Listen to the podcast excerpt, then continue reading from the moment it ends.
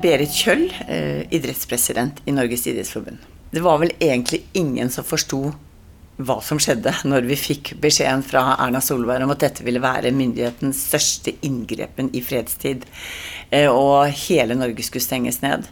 Så ble vi, vi ble jo helt satt ut.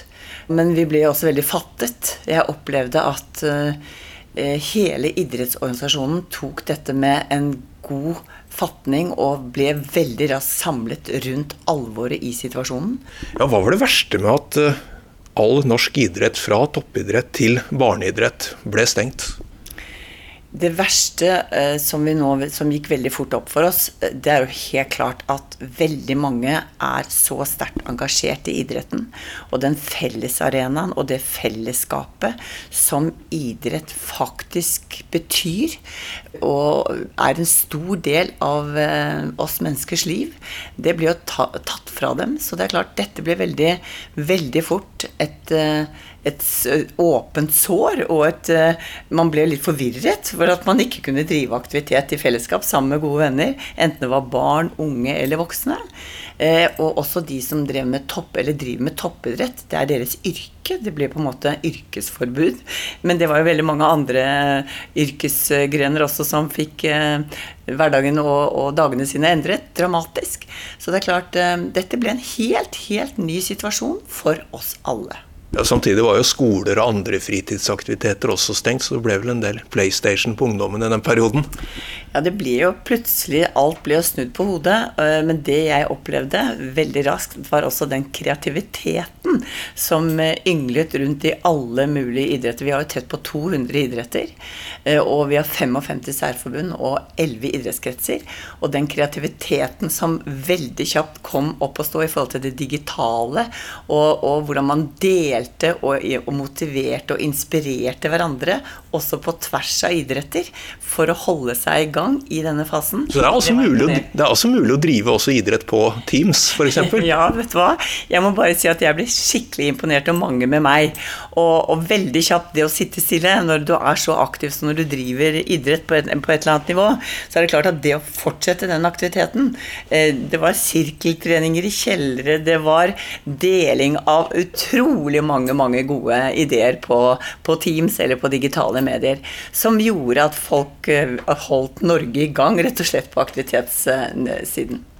Ja, Hva har vært viktig for dere når det gjelder dette med gjenåpning, som jo nå har skjedd gradvis fram mot, eh, mot sommeren? Eh, det som har vært viktig for oss i hele koronasituasjonen, det er aller først å bidra til den felles dugnaden. Slik at vi hensyntar smittevern best mulig i alt vi gjør. Så har vi jobbet langs to akser. Det ene har gått langs hvordan kan vi nå bidra til gradvis gjenåpning på en forsvarlig måte. Det har vært det ene løpet. Det andre vi har vært opptatt av, det er de økonomiske konsekvensene. Enten det er det aller minste idrettslaget eller en proft, kommersielt drevet eh, sportsklubb, eh, særforbund, kretser. Hvordan blør nå det enkelte organisasjonsleddet i forhold til koronasituasjonen? Å få en god oversikt over de økonomiske konsekvensene og kommunisere det veldig tydelig med myndighetene. Er de krisepakkene, for å bruke et slikt uttrykk, til idretten og frivilligheten, er de gode nok? Eh, vi fikk jo veldig fort eh, den første Vi var førstemann ut sammen med, med, deler av næringslivet i forhold til lansering av en krisepakke på 600 millioner kroner til idrett og frivillighet. Den traff veldig smalt, men det var også kulturministeren veldig raskt på banen og sa den må vi justere. Nå har vi jo kommet opp i en totalsum på 1,870 milliarder kroner til idretten og frivillighet i, for, i forbindelse med kompensasjonsordningen for arrangementsbortfall. Tap av inntekter. Og den treffer veldig bredt. Og vi har jobbet ordentlig godt sammen med idretten for å definere alles behov. Men får lagene kompensert f.eks. For, eh, for manglende vaffelsalg på arrangementer, som jo er viktige inntektskilder nede på grasrota? I første runde av den kompensasjonsordningen som kom, fikk de ikke det. Men nå har vi fått det inn. Det er vaffelsalg, det er bortfall av inntekter i forbindelse med eh, hva heter det, sånn loppemarkeder. Det er billettinntekter forbundet med parkering osv. Vi har jo en helt spesiell inntektsmodell i idretten som er vanskelig å forstå hvis du ikke er en del av det. Så det har vært veldig viktig for oss å synliggjøre alle de inntektsstrømmene vi har, også sponsormidler. Det høres jo veldig svært ut når jeg bruker det begrepet, men det kan være en lokal Kiwi på hjørnet som, som støtter opp om sitt idrettslag. Så det er så viktig for oss å ha synliggjort summen av alle de små strømmene som er med på å sørge for fundamentet i et lite eller et stort idrettslag og en klubb. Her forteller idrettspresident Berit Kjøll om beregninger som viser at verdiskapningen i norsk idrett er på nær 36 milliarder kroner, der frivillig innsats utgjør nesten halvparten. Hun sier at det vil være behov for kompensasjonsordninger utover de som ligger på bordet. Og da ser jeg ordentlig frem imot å få en god oversikt når alle har søkt og fått innvilget. Hvordan står det da til? For da blir det viktig å se hva er det vi mangler. Og det jeg vet at vi mangler, det er en grasrotstøtte til alle våre 11 000 idrettslag. De kommer ikke inn under denne arrangementsordningen i fullt monn slik vi trenger det. Så det kommer vi tilbake til. Og en ting til som ikke kommer inn, og det er jo erstatningen nå til de som fikk utsatt OL. Eh, og OL-utøverne våre. De, er, vi snakker om kanskje 50-60 toppidrettsutøvere som må, med deres støtteapparat, som må holde hjulene i gang år lenger enn det som var planlagt. Og det har vi beregnet koster, har en kostnad på 50 millioner kroner. Som jeg også vet at vi har en veldig god dialog med kulturminister og andre eh, politiske partier i forhold til også at den ordningen må på plass over sommeren. Så dette er også, også en økonomisk side, og ikke bare en si, motivasjonsside? Nei, virkelig ikke. Og dette er en yrkesgruppe hvor veldig mange av toppidrettsutøverne våre på en måte lever under fattigdomsgrensen. Eh, og har noen eh, har stipender fra oss, men som ikke er veldig romslige. Så det er klart, når de nå har fått utsatt hele sin treningsperiode ett år, så skal de dels motivere seg, ta stilling til Alle har jo planer om hva de hadde tenkt å gjøre etter OL. Og det er helt klart at her er det viktig at vi stiller opp, slik at vi, de kan være motiverte, også har økonomisk handlerom for å trene et år til. Ta medaljer som vi alle ønsker å juble rundt i et OL. Når intervjuet med Berit Kjøll blir gjort, er toppfotballen godt i gang, og det er bestemt at barn og ungdom kan begynne å spille kamper 1. august.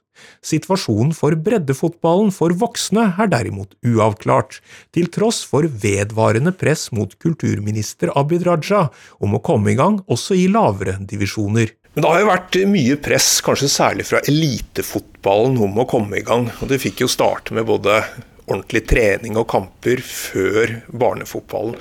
Har det blitt mye sånn 'hvorfor får ikke vi når de får', og sånne diskusjoner i denne perioden? Eh, jeg har lyst til å gå litt tilbake og si at vi var rett før påske utrolig glad for når vi, eh, jeg sammen med Bjørn Gullvåg sto på takterrassen i Helsedirektoratet og lanserte mulighetene for alle å være fem sammen i gruppe med to meters avstand. Det var på en måte første steget i retningen av å, å komme i gang igjen. Og så Det neste steget var jo hvordan vi da skulle få, få komme i gang med gjenåpningen. og Da brukte vi jo elitefotballen som pilotprosjekt. Og da samlet hele organisasjonen seg rundt det, og sto sammen om det. Så vi har hele veien hatt en utmerket samarbeid på tvers i organisasjonen, men hvor fotballen, som jo hadde sesongstart, skulle planlegge å komme i gang, eh, fikk på en måte gå litt foran og sette sette standarder for hvordan alle andre også kunne gjøre det inn mot helsemyndighetene. Så, så jeg opplever at det har vært et veldig, veldig godt samhold og samarbeid. Det at vi er nå i en situasjon hvor eh, barn og unge eh, får lov å komme i gang for fullt. Det er uttalt, det er prioritet igjen. Men, Men breddefotballen for voksne kommer ja, ikke i gang? Nei, nei, det er det jeg kommer til nå. Breddefotballen fikk ikke komme. Det var ikke de som trakk kortet nå. Hva tenker du om det? Nei, jeg tenker at jeg Selvfølgelig skulle jeg likt at alle kom i gang. Og, jeg, og, og, man kan mene mye om det, men jeg forstår også ansvarligheten som regjeringen nå føler sterkt på, og helsemyndighetene, i forhold til å ha kontroll på smitten. Og vi kan ikke la tre-fire måneder være bortkastet investering nå, fordi at vi står og stamper og vil i gang. Så, så jeg ber alle egentlig eh, å vise forståelse for dette. Hva blir de langsiktige skadevirkningene for norsk idrett? Dette er jo selvfølgelig vanskelig. Vi har et scenarioarbeid som er igangsatt nå i idrettsstyret. Men helt konkret så er det tre ting jeg frykter. Det er frafall. Det er at den økonomiske barrieren blir høyere.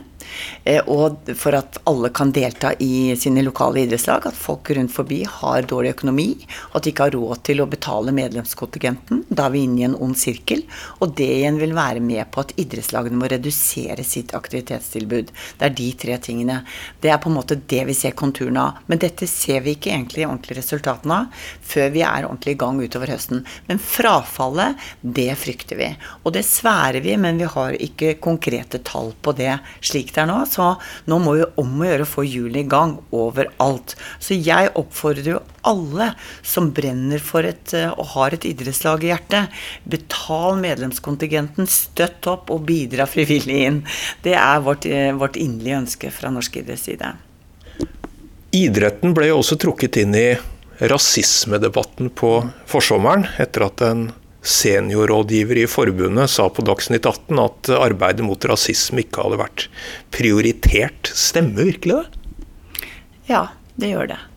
Eh, og det at vi har så mye rasisme og så mange episoder i idretten som har kommet for dagen, det er jeg førstemann til å være ordentlig, eller beklage ordentlig sterkt. Vi skal ha nulltoleranse på rasisme i norsk idrett. Og derfor så er det jo det gode ved dette, det er jo at det kommer for en dag, og at det blir tatt tak i, og at vi nå virkelig setter ordentlig fokus på dette området. Og vi fra idrettsstyrets ståsted og undertegnede, vi skal ikke ha rasisme i norsk idrett. Hva gjør dere konkret? Helt konkret så gjør vi tre ting fra vårt ståsted.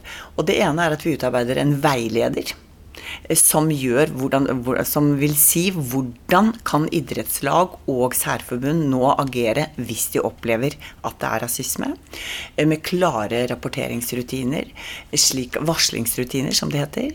Det er det ene. Det andre er at vi kartlegger situasjonen i alle særforbund rundt forbi.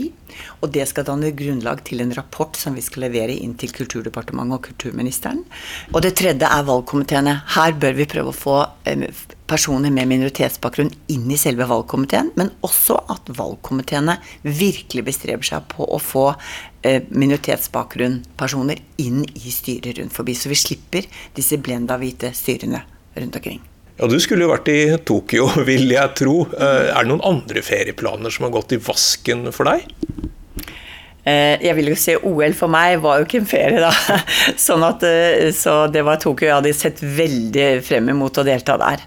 Men eh, nei, jeg har en ferieplan nå disse somrene her, som, og det er at vi, jeg er ivrig seiler. Vi har en seilbåt oppe i Lofoten, så vi skal opp nå til Helgeland og Lofotområdet og, og seile i sommer. Så det, jeg har ingen ferieplaner som har gått i vasken for meg, nei. Og det er vel en relativt koronasikker idrettsaktivitet? Det er en veldig koronasikker idrettsaktivitet, skal jeg si deg. Det er eh, frisk luft og hav og lang avstand til folk.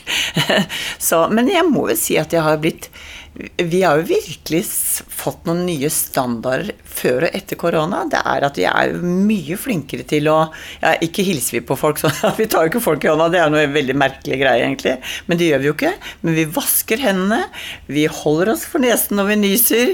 Og vi er jo mye hva skal jeg si, vi er mye mer forsiktige med, med, med atferd i forhold til renslighet. Jeg, jeg, jeg registrerer jo det, så det er veldig bra. Så dette ble en varig endring av vaner? Dette er varig endring av vaner. Men jeg tror at alle vi i dette landet som er så heldige å bo i Norge, har hatt godt av denne krisen. Vi har blitt jorda på en helt annen måte. Og vi har jo egentlig blitt tvunget til å stille spørsmålstegn med den karusellen vi var en del av og er en del av.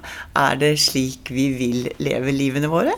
Jeg tror det er mange som har fått en liten aha-opplevelse i forhold til å kanskje endre, endrer litt takten, finne roen eh, tettere på familien, tettere på venner. Hva er verdiene, hva er viktigst i livet vårt? Og der er det mange som har fått øynene opp for at idretten har en utrolig viktig plass i hvert enkelt menneskes eh, eh, hverdag. Og det er viktig.